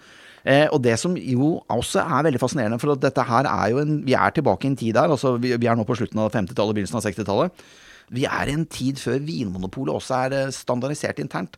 Det, vi, huske, vi har ikke snakket så mye om det, men Vinmonopolet hadde jo et Oslo-kontor som regjerte på Østlandet og Sørlandet. Så hadde man et bergenskontor som regjerte på Vestlandet. Og så var det et trondheimskontor som regjerte da i Trøndelag og nordover. Eh, og det var jo sånn at Bergensavdelingen, den fikk jo nok først. De tenkte at denne debatten om kurv og kasse, den gidder vi ikke lenger. Nå lager vi våre egne kasser. Og gikk, de vil ha kasse? Ja, så de, altså, Bergensavdelingen de droppa kurven først på slutten av 50-tallet. Eh, og begynte med kasser da eh, i sitt produksjonsanlegg eh, på slutten av 50-tallet. Oslo kom først etter, noen år senere. Men da, og igjen, dette er hysterisk morsomt, Men da, Anders, vil du si det? Vil du ha gleden av å si det? Ja, fordi de brukte ikke samme kasser. Nei, det greide de ikke. Trondheim hadde sine kasser, eh, Oslo hadde sine, og Bergen hadde sine. Og Bergen hadde da noen litt lave kasser, var det ikke sånn? Jo. Ja, så det var jo, de, Man kunne ikke stable det sammen, og man, eh, noen, også, de måtte fraktes tilbake for de tilhørte det ene stedet. Og, Og hvis, da, og hvis da varer skulle fraktes fra Oslo til Bergen, så måtte det da ompalles, ikke sant. Og da måtte man jo da For man kunne jo ikke da sette Oslo-kassene på Bergenskassen osv. Bare for å gjøre forvirringen og, og på en måte ineffektiv, ineffektiviteten komplett, de hadde jo forskjellige paller også. Jeg tror Oslo-kontoret brukte europaller, mens da Bergenskontoret og Trondheimskontoret brukte egne paller. Sånn at det var jo, Når Vinmonopolets varer skulle sirkulere internt i selskapet, noe de jo selvfølgelig ofte gjorde, så var jo det voldsomt arbeidskrevende. Altså Dette var en tid før man hadde standardisert. Så ting vi tar helt for gitt den dag i dag, nemlig at vi har de samme systemene rundt omkring i Norge, sånn var det ikke da. Det var ulike kulturer i Oslo, i Bergen og i Trondheim i Vinmonopolet. Ekstremt fascinerende. Det er rart at ikke IRAS egentlig eh, ikke det så at det var der vi egentlig burde ha endret oss eh, litt tidligere. Men kanskje dette sier noe om tidsånden. Det, det var en annen tid. og det er, det er litt det jeg sa innledningsvis. Altså, på 60-tallet så blir verden gjenkjennelig. Man tenkte på en annen måte i gamle dager. Det var større avstander. Det var, dette var jo lenge før på en måte moderne teknologi. ikke sant? Altså, det, var, eh, det var dårligere infrastruktur. Det var mindre interaksjon, mindre mobilitet i samfunnet. Det må ha ligget noe der. Altså, vi, det, vi levde mer stillesittende eller stillestående liv eh, lokalt. da. Og så er det kanskje noe med det at man må ta litt små skritt. Man kan ikke hoppe rett på å standardisere tre uavhengige kontorer, men man må begynne med kurv eller kasse. Ja, og de For å bli vel- vant til endringer. Og de hadde vel sin stolthet, sikkert, eh, de ulike liksom, kontorene eller ja, byene. Ja. Ja. Det, garantert, men det, vi må bare før vi slipper dette temaet helt, så altså, det var jo andre forskjeller mellom, mellom Vinmonopolets Trondheimsavdeling, Bergensavdeling, Oslo-avdeling. Det var jo det var jo faktisk forskjellig vareutvalg i, i de forskjellige avdelingene. Eh, forskjellig pris på de samme produktene. Og det var forskjellig åpningstid. Og det var andre ting som var forskjellig òg, Anders. ja, altså innredningen var jo ulik. Ja. Ja. Og det jeg virkelig hoppet høyt i stolen av, å lese her, altså halvparten av butikkene praktiserte sommertid. Den andre halvparten gjorde det ikke. Det er ganske utrolig. Altså stilte klokka. Ja, ja, ja. Eh, at, at, og, at, og tenke, hva, var ikke sommertiden offisielt innført i Norge? Og kunne man liksom ha sommertid i Bergen, men ikke i Trondheim? Helt vilt å tenke på. Ja, For det var ikke bare tidligere stenging, det var etter vi hadde forskjellige Det er mulig vi må dykke litt ned i dette, her, men altså det står i boka som vi har lest eh, som vi har, eh, som vi har lest i forkant av denne episoden. Halvparten av butikkene praktiserte sommertid, den andre ikke. Det er helt vilt å tenke. Det er helt vilt. Ja, det er helt vilt. Sånn at ting vi tar fullstendig for gitt den dag i dag, var det ikke standardisert, var ikke harmonisert eh, i gamle dager. Men da blir jeg litt sånn i stuss på han der Gunnar Lindemann, høvdingen, Ja. over dette. Har han bare eh, har han bare latt dette skje? Han må jo ha hatt vært øverste leder også for disse eh, satellittene rundt omkring i landet. Dette var kanskje en tid mens det eh, Altså kanskje eh, det var mer desentralisering. Altså det var, eh, Norge var et større land. Verden var større rett og slett fordi at det var dårligere kommunikasjon. både digitalt eller elektronisk. altså Mediene brukte lengre tid på å formidle nyheter. Det var dårligere veier, det var mindre jernbane. altså Det var mindre interaksjon. både kulturelt, altså varemessig, kommersielt. altså på alle altså Aktiviteten var lavere da, rett og slett. Så kanskje, Og jeg, jeg husker det fra jeg var eh, barn på 70- og 80-tallet. Altså gleden ved å reise til Bergen, for da bodde mine besteforeldre. Og vi var det der tre-fire ganger i året. For der hadde de en helt annen isportefølje. Altså sånne små is i kiosken, ikke sant. Selv om det var samme produsent, så var det en helt annen type is. Eh, og, det, det, og det at du da hadde forskjellig is når du reiste til Sørlandet og nordover i landet og sånn, det, det var vel en sånn det var en sånn veldig differensiert portefølje av ispinner rundt omkring i landet. Sånn fram til 1985-ish, vil jeg vel kanskje si. Noe sånt noe. Eh, Det var kanskje da jeg sluttet å spise is òg, i hvert fall i store mengder. Men, men eh, det, det var noe med at eh, den der gleden over å finne veldig rare, eksotiske is, bare liksom i et annet fylke, da, den, den var der. Det er et av sånne barndomsminnene jeg sitter og, og tenker tilbake på med, med, med, med, stor glede, for å si det sånn. Men sånn er det vel ikke i, samme grad lenger. Nå er det mer standardisert. Altså. Så det, det, jeg prøver å si er også, Du stiller spørsmål, Anne. Eh, for spørsmålet er liksom, hvordan kunne høvdingen Lindemann la dette passere? Hvorfor var det ikke mer koordinert? Hvorfor var det ikke mer helhetlig? Jeg tror det har vært en del av tidsånden. Ja. At det var mer differensiert. Mm. At mer lokale løsninger kunne gå. Og det var kanskje det han prøvde med med IRAS. Kanskje samle ting. Ja, og så prøver disse stakkars konsulentene seg frem, da, men når de da på en måte selger Vinmonopolet gode råd som egentlig er Vinmonopolets utprøvde politikk allerede, og, og, de da ikke engang tør å foreslå kasse fremfor uh, kurv, så må jeg si at uh, man kan jo begynne å lure på det faglige innholdet til disse konsulentene i Industri Industriforbundets uh, rasjonaliseringskontor. Uh, uansett, da. Uh, for kanskje å på en måte runde av denne her sånn um, Kurv eller kasse, hva, hva, ble det til? Det ble kasse. Det ble kasse. ja, det ble kasse. Selvsagt ble det kasse. Og der får du jo Akkurat sånn som Anders sa i sted, altså, da var det jo på paller med trøkker. ikke sant? Du får jo flyttet store mengder varer mye raskere, ikke sant. De måtte jo bygge om eh, deler av dette Haslebygget. De måtte rive en ganske stor vegg ja. eh, for at liksom trøkkene skulle få kjøre, kjøre mellom. Det var jo, de måtte jo det kostet litt over en million kroner tror jeg, å få gjort disse endringene som gjorde at man kunne da bruke kasser. Ja. Så det er klart at det var det lå nok noe i det, denne motstanden mot å gå over til kasser. At det var, det var ikke så enkelt. Nei, og det kosta penger, som du sier. Man satt mm. Bare på Hasleanlegget så satt man med 120 000 kurver til overs, og så hva jo verden skulle man gjøre med dem? De var jo verdt mellom 10 og 15 kroner i produksjonen, da. Eh, og man brant dem, rett og slett. Altså Man prøvde å selge dem. Det var jo, det var ingen som ville ha disse gamle kurvene. ikke sant? Og det var jo sånn en periode at bryggeriene hadde gått, om, gått over til kasser, de også. ikke sant? Eh, lenge før Vinmonopolet hadde gjort det. Eh, så bryggeriene hadde jo greid å selge eh, haugevis av gamle kurver til polet. Eh, liksom, så polet satt jo med mye gammelt antikvarisk skrap, for å si det sånn. da. Og man prøvde desperat å selge det, men det gjorde man ikke. Så da gikk jo store verdier opp i røyk, da. Så det fins sikkert noen sånne kurver rundt omkring i landet den dag i dag. De er sikkert mye verdt, men i hvert fall 120 000 kurver skal ha gått opp i røyk da på Hasle eh, på 60-tallet i det store rasjonaliseringsprosjektet. Eh, men det, nå, dette er jo en rasjonalisering, da, standardisering, som handler om lagerdrift og på en måte hvordan Polet har eh, fungert back, backline, for å si det sånn. Men hvis vi går inn i butikken, det var jo svære endringer som ble gjort der òg. På 60-tallet. Ja, for hvordan, eh, hvordan, fungerte egentlig butikken? Altså, vi vet jo det var diskpol, selvfølgelig. Men uh, det var et litt spesielt system, har jeg forstått, på akkurat selve kundeopplevelsen.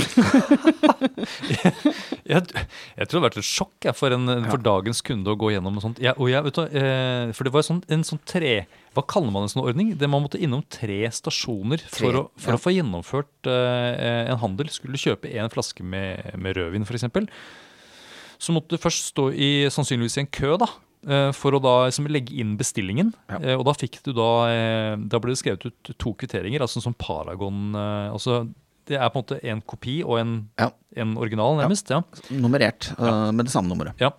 og så leveres det da videre til stasjon nummer to. man står i ny kø. Og der eh, viser man da kvitteringen eh, på hva man har bestilt, og da betaler man til eh, den som sitter i denne bua. Kass, kasserersken. Det var kvinner. Det skal vi også ta opp igjen i neste der episode. Kvinne, der, satt kvinner. der satt det kvinner. Og de satt stille hele dagen inni disse små buene og betjente dette kassaapparatet. Nettopp. Og så, da fikk man da sikkert et stempel eller signatur der, eller noe, ja. og så gikk man da til tredje stasjon, ny kø, eh, og der sto det da en mann, regner jeg med? Ja, alltid en mann. det var standardisert. I frakk, ja. En som lager, en som lager frakk. Ja. Eh, og da han måtte da holde disse to kvitteringene opp mot hverandre, og, liksom, og så gikk han og hentet uh, varen og pakket den inn. Og da var man ferdig. I papir, ja. Da, da kunne man gå ut av butikken. Men da det var det en sånn tretrinnsekspedering, som du sier, ja. Mm.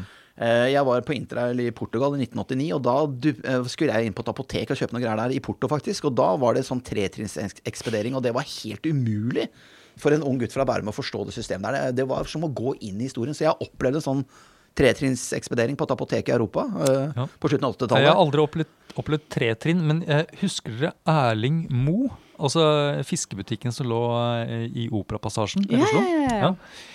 Uh, de holdt jo på en sånn, uh, sånn totrinnsekspedering. Eh, og, det, og det tenker jeg at det var egentlig litt fornuftig, fordi um, for at de som skulle håndtere fisken, skulle slippe å håndtere pengene. Mm. Så var det da eh, noen som liksom bare tatt, tok imot betaling, og så var det da noen andre som pakket fisken. Ja. Ja, for jeg skjønner ikke helt det første trinnet. Det er den som er kanskje mest uh, uforståelig for meg. Det er en som tar imot bestillinga. Ja, Skriver det ned. Men så eh, fant du Og da var det altså Det at Polet hadde en sånn tretrinnsopplegg, uh, opplegg, Ja. det var jo um, Det hadde alle andre butikker sluttet med. Ja, stort sett. Ja. Vi, vi levde, det var, dette var jo en tid Det var en man dinosaur. Det var en dinosaur, for at eh, dagligvarebransjen gikk jo fra disk til selvbetjening. Ja, så folk Eh, kunne gå rundt på- på og, 60-tallet. og ta på varene. Ja, ja, ja. Eh, og Systembolaget hadde jo droppet dette med tretrinns ekspedering allerede på 50-tallet. Eh, Polet dro jo på ekspedisjon, det gjelder ekskursjon til systemlaget for å se hva i all verden hadde de eh, fått til der. Og produktiviteten økte jo i hvert fall med 25% i alle butikker, noen steder opp mot 50% Altså, du fikk jo en vanvitt altså, Du blir jo kvitt så mye arbeidsoppgaver ved å droppe denne tretrinnsekspederingen, og heller da få én ekspedering ved disk. Men det var jo veldig mange. Også Polet var jo proppfullt av konservative krefter. Man ville ikke ha endring. De ville ha det gamle tretrinns-ekspederingssystemet. Eh, man var veldig redd for at dette skulle føre til økt konsum. Mulig at man da gråt for sin syke mor, men altså man, det var iallfall det man sa. Man kunne også se for seg at dette skulle svekke den sosiale kontrollen. Altså det å liksom eh, ikke selge til eh, eh, berusede og, og alderskontroll. da.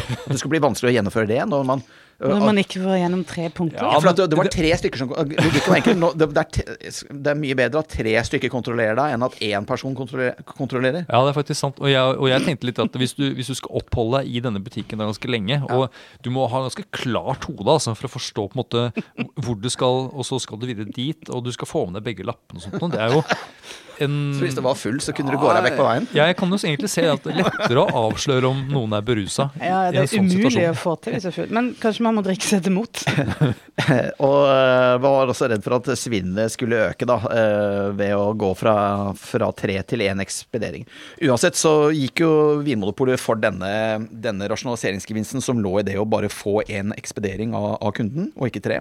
Men du, Men- du sier, du sier Ja. at svinnet skulle øke fordi at det da ikke var noen som kunne passe på de som jobber på polet. Ja, eh, da var eh, de polansatte for mye overlatt til seg selv. Og man lager jo nå flere avbøtende tiltak for å holde orden på systemet. Eh, blant annet i, eh, i Oslo. Eh, fortsatt er det sånn at Oslo og Bergen ikke greier å samarbeide. For i Oslo så er det sånn at det ble lagd et helt eget regelverk for å sette flaskene på disken. Og kundene fikk ikke lov til å ta på noen flasker. Dette var en regel som kundene også kjente til. Men kundene fikk ikke lov til å ta på flaskene før de da var emballert på riktig måte og gitt kunden i en, i en pose. I Oslo så var det lagd et sånt treflaskesystem. Ekspeditøren skulle da sette tre og tre flasker ved siden av hverandre nedover i rekker på, på disken. Ja, For å lettere kunne telle over varene og ha oversikt. Ha oversikt. Et, og etiketten skulle vende ut mot kunden, var det det? Ja, mulig. Ja, Ja. det kan nok hende. Ja. Eh, I Bergen derimot så praktiserte man ikke et sånt tre, eh, tresystem. Man, der praktiserte man 4-4-1. Ja. Og, det, og, det, og da og tenker jeg, den derre eneren, hva er, hva er det for noe? Det høres jo ut som en fotball, eh, fotball nesten en fotballoppstilling, dette her med en mann utvist. Så Nei, fire flasker og fire flasker, og så var det da den ene flasken Det er vel for å holde tellinga, da, hvis du kjøper mange. Ja, Hvis du kjøper ni, så skal det være I Oslo så var det da 3-3-3, mens i eh, Bergen 4-4-1. Og, eh, uansett, man lagde regler, da. eh, For å, og, og, og i beste mening for at man mente da at disse reglene skulle forhindre svinn og gjøre ting oversiktlig. Nei, men Hva skjedde hvis en kunde eh, bare sånn kom borti flaskene, eller plutselig tok på flaskene? Hva skjedde da? Det vet jeg ikke. Ble det Kanskje noen, med noen konsekvens? Sportlista. Min kjære mann, er du full? Ja, hva skjedde da? Nei, de- de hadde nok betydelig autoritet. Det var jo, altså Vi vet fra gammelt av at uh, det var jo prest, uh, politisjef og polsjef lokalt. de eh, som var liksom de tre store eh, personlighetene i bygda. ikke sant? Altså tre autoriteter. Så det kan jo hende at det også lå en voldsom autoritet i det å være ekspeditør på Vinmonopolet. Så det var, altså, det var altså ganske sånn klare og tydelige regler eh, på hvordan eh, man skulle gjennomføre eh, liksom, salg og overlevering ja. når man gikk over til at det bare var én ekspedering. Ja. ja. Det var sånn at eh, Systembolaget de hadde bygget opp en en, eh, en liksom-butikk Ja der eh, de ansatte liksom skulle øve på det Ja. og eh, liksom gjøre alle liksom disse etappene. Ja da. Ja. På hovedkontoret til Systembolaget midt i Stockholm. Kungsträdgårdsgatan. Eh, Jeg har jo vært der. og et Gammelt arbeiderbygg. da, Nydelig sted. Ja, fy søren, altså. Men nedi kjelleren der, og det har vel blitt et museum der nå, men der har du denne gamle butikken. Så svenskene de har alltid vært så innmari flinke til å tenke detaljer. De er liksom, de er en industriell gammel stormakt. Overlater ingenting til tilfeldighetene. Det er derfor de har det ene industrieventyret etter det andre. Volvo, Eriksson, bla, bla. ikke sant? Så de hadde da et fullt innredet øvingslokale nede det. i kjelleren, der de på en måte eh, nyansatte måtte liksom, eh, gå en runde. Svenskene har alltid vært så fordømt flinke, vet du, Anders. Vi lider litt av sånt lillebrorkompleks her i landet. Vi er litt sånn skippertaksmentalitet og lottomillionærer her, vet du. Men, men altså, de som jobbet i butikkene, Ja. de var jo ikke spesielt happy for å, Nei, nei, nei, nei. Og liksom, At de mistet liksom sin rolle, eller at det ble, ting ble endret. For at dette, er, dette også må jeg si eh, vi må heve på øyenbrynene over i ettertid. For at eh, det er helt riktig som du sier. Det, det var jo, Anders, det var jo et utall av nivåer og rang, uh, ulike typer rang i en gammeldags butikk. Det var altså sjefen, butikksjefen, ble kalt da utsalgsbestyrer. Eh, han, for det var alltid en mann, skulle da administrere resten av liksom, sjappa, for å si det sånn. Eh, så var det en utsalgsfullmektig, det må da ha vært en nestkommanderende. Eh, så var det ekspeditører, og ekspeditører de sto da i disken og ekspederte kun. Så var det da kasserersker, det var jo damer. Vent litt, ekspeditøren skrev bare på denne bongen. Tok imot og gjorde bestillinga skriftlig. Og hentet varene på, på lager. Okay. På, på lager også, tror jeg. Ja. Fordi at, eh, og, og det har du helt rett i, Anne, at de da gjorde begge deler. Men så kassererskene var jo da damer som satt i disse små kioskene sine og og tok imot penger og, og, og ga ut veksel. Og så var det da lagermenn. Det var da lagermenn. Som, det var menn som var på lageret, som man ellers aldri så. Men de gikk jo der og holdt på med Satt varer i hyller og tok imot tomgods og herja sto i. Og det var jo sånn at når man da gikk vekk fra denne tretrinnsekspederingen, så ble jo dette da et insentiv for at man skulle få arbeidsrullering. Og det er sånn vi gjør nå i Vinmonopolet. ikke sant? Butikksjefen sitter i kassa, butikksjefen tar pappressa, butikksjef Altså, all, poenget er at alle i en polbutikk i dag gjør det samme. Eh, og det er ingen som er på en måte høyere, eh, høy eller lav. Og det er en vanvittig kollektiv innsats, ikke sant? så man tenker jo et lag. På samme måte som Nils Arne Eggen, som vi allerede har snakket om. ikke sant? Vi, vi snakker her om på en måte, vi snakker om et godt, eh, godt lag som fungerer. Men sånn var det altså ikke før. For det var, det var jo slik som du sier her i sted, Anders. altså Det var jo langt under utsalgsbestyrerens, altså butikksjefens verdighet å ekspedere kunder. Og det var jo langt under ekspeditørens verdighet å gå ut på lageret og gjøre lagermannsarbeid der ute. Så de strittet jo imot. Ekspeditørene, butikksjefene, de ville ikke ha, eh, ha vekk denne tretrinnsekspederingen. For da ville jo eh, alle måtte gjøre det samme, da, mer eller mindre. Så det var en voldsom motvilje mot denne effektiviseringen, denne endringen. Jeg så også et liksom morsomt eh, utklipp du uh, sendte meg her forleden, uh, som var fra Aftenposten, tror jeg. Ja. Der Gunnar Lindemann ble spurt fra en journalist i Aftenposten, som sa nå, I disse gavetider, det kan ha vært opp mot jul, har det vært fint å ikke bare gi en bok eller en blomst, men gi en, eh, en flaske vin som gave. Eh, Det, hvorfor kan ikke polet tilby pent innpakning? Altså, nå, nå, er den døren. De vil gjerne ha gaveinnpakning, da, istedenfor det grå papiret. Deres, eh, deres ekspeditører har så godt håndlag med grå papiret, det må da være en smal sak å bytte ut med gavepapir. Nei, det er nok ikke mulig. Hilsen Gunnar Lindemann. De jobbet, med, de jobbet med å rasjonalisere bedriften, så det Så nei, det var Og jeg må, jeg må jo si, det er jo veldig interessant nå i ettertid å lese om dette her. Eh, Tretrinnsekspedering, og også motviljen mot å endre på den, altså. Det er jo, det, det, og det er jo jeg, jeg, nok et eksempel på at gammel tid blir ny. Denne metamorfosen. Og her i hvert fall, Anne, her må vi jo kunne si dette er å gå fra larve til sommerfugl. Vi vil ikke Ja. tilbake igjen til uh, tretrinnsekspedering. Absolutt ikke. Nei. Absolutt ikke. Og det er jo bare ett ledd av mange som skal da til slutt lede opp til selvbetjent. Der man eh, sjøl kan gå og hente flaskene. Ja, som kom eh, da i 19, 15. juni 1999, og som ble anmeldt av Geir Salvesen i Aftenposten og fikk terningkast fem. Eh, det første selvbetjente polet. Men det, dette kommer om mange episoder. Det er en fantastisk historie. Eh, hvor eh, Knut Grøholt, eh, vår, vår tidligere administrerende direktør, eh, har store deler av æren. Han er en stor helt som vi gleder oss til å snakke mer om i, i en kommende episode av podkasten vår. Eh, så kan vi også si litt om plassering av pol, hvis vi rekker det. det tenker dere det, eller? Ja, Det må vi si litt om, for Ja. det, det er jo noe du du jobber med Dette i er jo den dag i ditt dag. fagfelt. Ja, jeg jobber mye med det. Også I dag så er det jo veldig enkelt. I dag eh, plasserer vi Pol der hvor det er eh, der, Altså, Vi må levere på to ting overfor myndighetene. Vi må uh, sørge for god økonomi i butikken. Den får ikke lov til å gå med underskudd. Hadde Polet gått med underskudd, så hadde vi jo eh, måttet konkurrere med eldreomsorg og eh, barnehager og skole og utdanning og alt mulig. ikke sant? Om overføring på statsbudsjett, det går ikke. Så vi er nødt til å drive butikkene lønnsomt. Det har alltid vært et prinsipp, førende prinsipp i, eh, i, som ligger til grunn for vår butikketablering. Eh, og dette med avstand. Vi skal jo plassere butikk der hvor det forbedrer tilgjengeligheten best mulig. Der hvor, der hvor folk har lang avstand, eller hvor det er veldig mange som deler på en butikk. Så der- Derfor teller vi handel, vi teller butikker, vi teller innbyggere, vi teller arbeidsplasser. ikke sant? Vi eh, kvantifiserer, og alt er åpent og transparent og, og ligger ute på hjemmesiden vår. Så det er, det er spennende. Men sånn var det altså ikke tilbake igjen på Eh, på, eh, på 60-tallet eh, så ble jo denne butikketableringsmåten å jobbe på, den ble jo veldig endret. Men tilbake igjen da rundt 1960 og på 60-tallet, så var det jo Vinmonopolet selv hadde jo veldig liten innflytelse på hvor butikkene skulle komme. Eh, det var jo slik at Alkoholloven sa det, at det var jo bare byer eh, med mer enn 4000 innbyggere hvor, hvor polet kunne ha brennevinsutsalg. Og så var det da opp til kommunene selv gjennom kommunale eh, folkeavstemninger, altså befolkningen, å avgjøre om man skulle ha pol eller ikke. Og så var det jo kommunen selv, altså de lokale, det lokale bystyret eller kommunestyret, som avgjorde hvor polets butikk skulle ligge. Og det var derfor de da lå i mørke bakgater. Eh, F.eks. i Kristiansand, som vi da snakket om for et par episoder siden, eh, Anne. Du fant Crap House før du fant polet. Det var det jeg gjorde. eh, så Vinmonopolet hadde jo selv veldig liten innflytelse på hvor butikkene kunne ligge. Og så oppstår det jo en voldsomt, eh, et stort strategisk problem for Vinmonopolet på 60-tallet. For det er jo en voldsom kommunereform som blåser over landet. ikke sant? Masse bykommuner slår seg sammen med herredskommuner, altså landskommuner.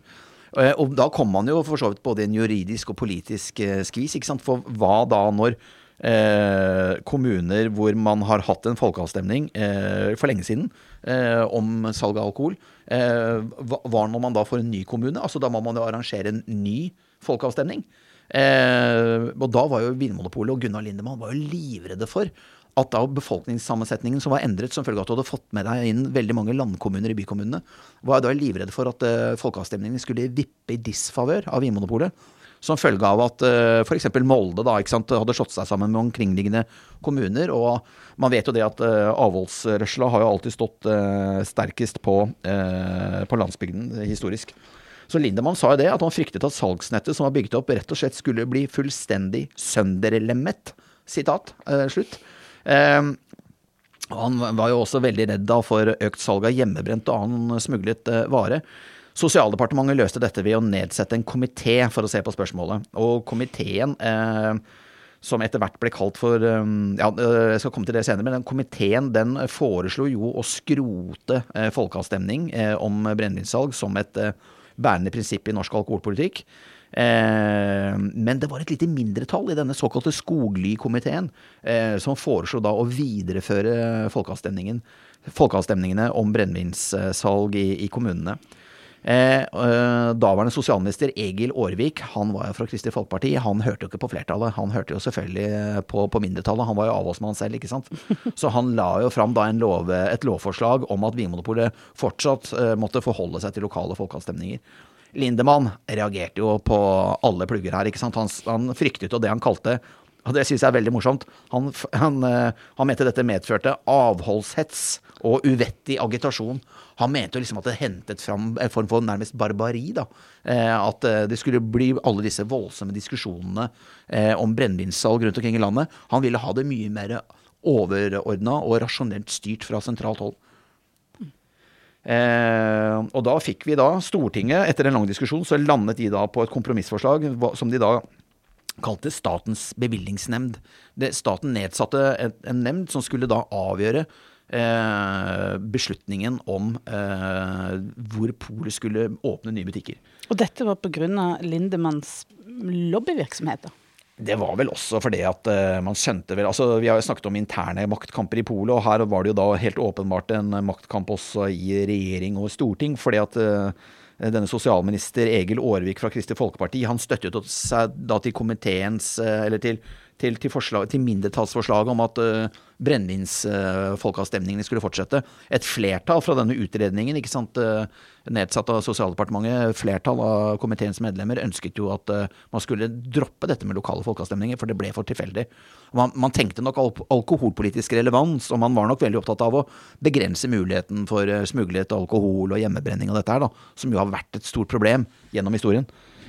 I hvert fall. Eh, Avås-folket var skeptiske. De fryktet veldig mange nye poletableringer. For de sa hvordan i all verden skulle denne nemnda da kunne si ja til noen kommuner og nei til andre? Så de fornemmet jo et ras, et framtidig ras av poletableringer. Og de fikk jo rett. Mm. Avås-folket. Eh, det var 60 pol i 1968. Og i 1978 Hvor mange pol hadde vi da? Nei, dette er din, din quiz. 85.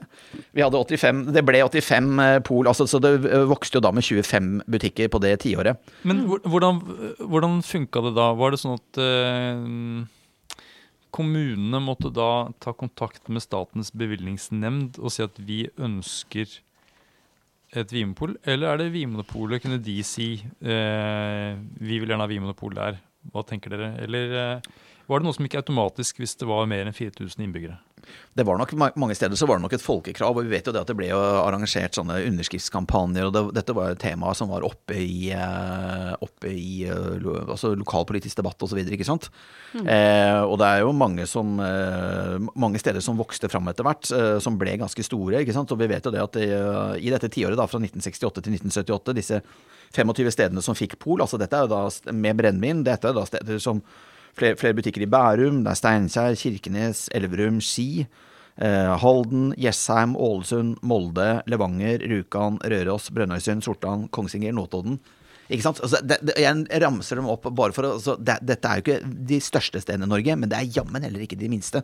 Dette er, jo, dette er hva vi kan kalle eh, små og mellomstore og middels store byer ikke sant, i Norge. Og noen av dem er jo riktig store, sånn som Ålesund og eh, Halden og, og, Molde og sånn. ikke sant? Det er ganske svære byer. Kongsvinger. Sånn at eh, eh det var nok et, eh, det var nok et sterkt ønske fra lokalbefolkningen eh, som drev fram dette. Men jeg har en følelse av at denne bevilgningsnemnden de, eh, de kunne kanskje også tenke litt rasjonelt og overordnet. De kunne nok det. Men da var det snakk om eh, brennevinspol, sånn at de, disse byene kunne da ha utsalgssteder for vin ja og sterkvin. Ja. Ja. Og det var jo mange av disse stedene som hadde pol i utgangspunktet. F.eks. Notodden fikk jo sitt uh, vinmonopol, altså kun vin, uh, i 1960 uh, 61 eller 62, noe sånt nå. Mens uh, de da fikk brennevinsalg i 1971. Sånn at det, først, først vinsalg, og så brennevinsalg. denne nemnda da, som avgjorde disse butikketableringsspørsmålene, var bredt sammensatt. Og Lindemann fikk jo spørsmål om han selv eller Vinmonopolet skulle delta. Mm. Eh, men hva tror dere han svarte? Jeg vil anta at han sa nei. Hvorfor det? er ikke det litt sånn å sette bukken til havresekken? Lindemann var en rev, og jeg tror du er litt inne på noe her, Anne. Han ville ha et uformelt samarbeid. Så med en gang denne nemnda var uh, etablert, uh, så tok han initiativ til en konferanse som skulle avklare hvordan nemnda skulle arbeide. Eh, og da utformet jo faktisk Vinmonopolet og Lindemann de utformet nærmest alene denne nemndas arbeidsinstruks. Eh, og i etterkant så var, satt jo da Vinmonopolet eh, og egentlig styrte denne nemnda helt selv, eh, bare at det var ikke formalisert. Eh, det ble da, som det står, ble det etablert et nært, uformelt samarbeid. Eh, og disse butikkene ble jo alltid åpnet der hvor Vinmonopolet ønsket at det skulle, skulle være butikk. På denne måten så immuniserte jo Gunnar Lindemann seg mot kritikk. ikke sant? Han var jo selv, var jo selv ikke en synlig del av dette her, men han hadde jo hele tiden direkte, uformell påvirkning og kontakt. Eh, men ingen skriftlige spor ble etterlatt. Ingenting var skriftlig. Ingenting kunne bevises. Og det er litt sånn som jeg måtte, jeg måtte jo flire da jeg sist helg leste litt om koronakommisjonen, som jo hadde lagt frem sin koronarapport, og hvordan da en rekke skriftlige kilder, altså med helsetoppene, Eh, og liksom eh, politiske topper i departementet, en rekke type tekstmeldinger og en rekke type rapporter er bare borte, ikke sant. Eh, man kan ikke, man, Koronakommisjonen får jo ikke et godt innblikk i hvordan Norge ble stengt ned 12.3.2020.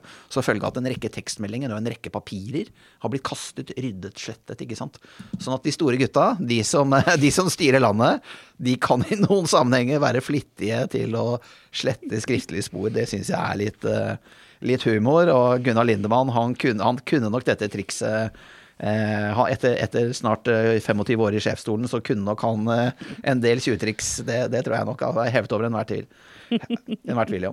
Vi nærmer oss slutten på episoden, men vi kan jo bare kort si litt om at på 60-tallet så var også alle butikkene til Vinmonopolet lå i bysentrum eh, fram til midten av 60-tallet. Men så begynte man å eksperimentere med ny plassering av polene.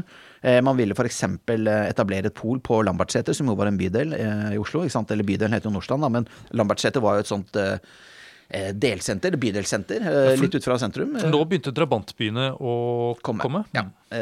Vi snakker 60-tallet, ikke sant. Mm. Eh, da var det stor lokal oppstand, motvilje mot det, så det, der fikk vi ikke Vinmonopolet åpnet butikk i bydel eh, Nordstrand, Lambertseter. Det kommer først der et pol i 2010, så der, der, der, brukte vi lang tid på å få på plass en, en butikk. Eh, men i 1962 i hvert fall, i Oslo, så åpner da Vinmonopolet sin første butikk utenfor Oslo sentrum. Og da må jeg også flire litt, for at altså det, da, det man, da åpner man altså et pol på Sandakerveien i Torshov. Og for, det, for de av oss som vet, eh, som er godt kjent i Oslo, altså Sandakerveien og Torshov vil jeg vel nesten definere som, om ikke i eh, indre øst, så er det i hvert fall Det er jo Oslo sentrum. Fremstår jo veldig som sentrum nå, altså. Det er i hvert fall ikke langt unna. Det er i hvert fall godt innafor byen, vil jeg si. godt innafor byen. Så der kom altså det første første polet som ikke lå i Oslo sentrum, eh, i 1962. Og så i 1966 så kom da det første bilpolet. Samfunnet var i endring, ikke sant. Hvis vi, vi snakket om det i stedet. Hva er, et bilpol? Det er et pol eh, med stor parkeringsplass, og hvor folk da ganske enkelt kan kjøre bilen til polet. Eh, ikke gå eller spasere.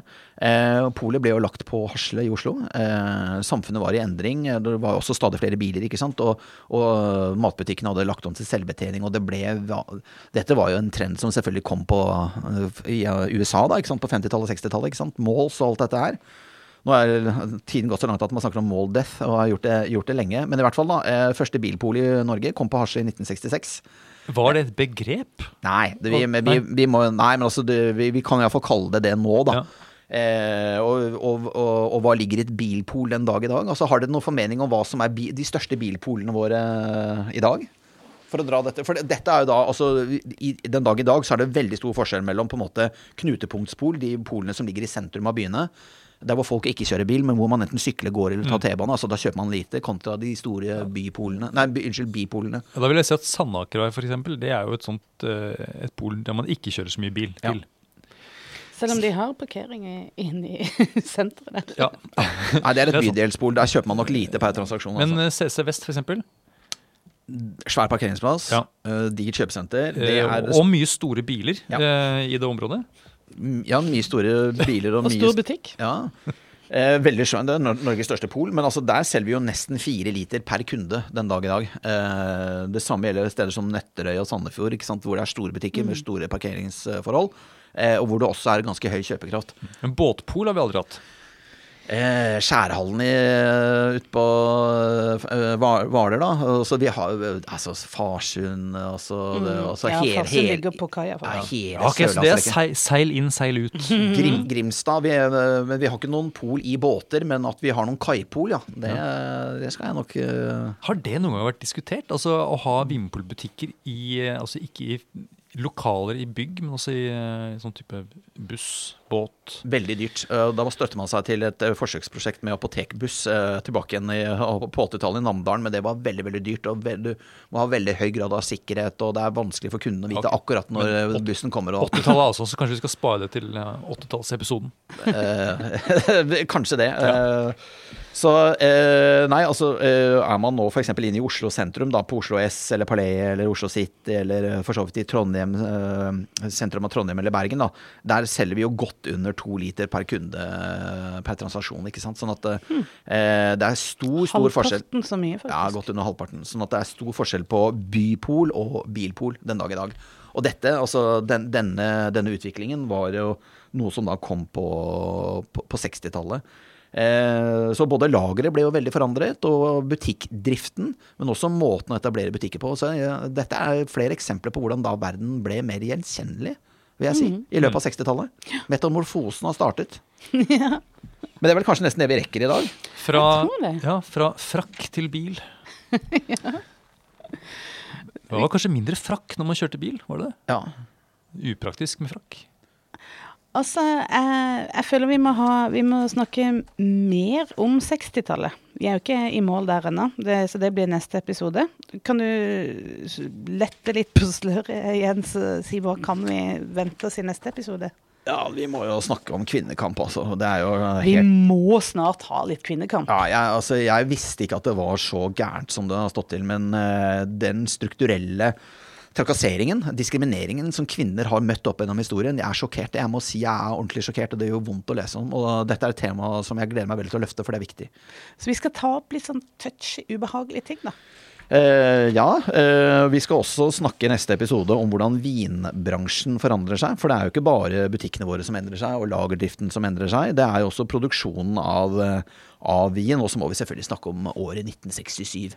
Ikke bare var det et fantastisk musikkår, men det er jo den store pusten av fremtiden. Altså. Fremtiden banker på i 1967. Det er jo et, et definerende år. Så alt dette i neste episode, vil jeg si. Åh, jeg gleder meg. Takk for i dag. Takk for at du hører på Vinmonopolets podkast. Har du forslag til et tema i podkasten? Send mail til podkast at vinmonopolet.no. I tillegg svarer kundesenteret deg på e-post, chat og telefon.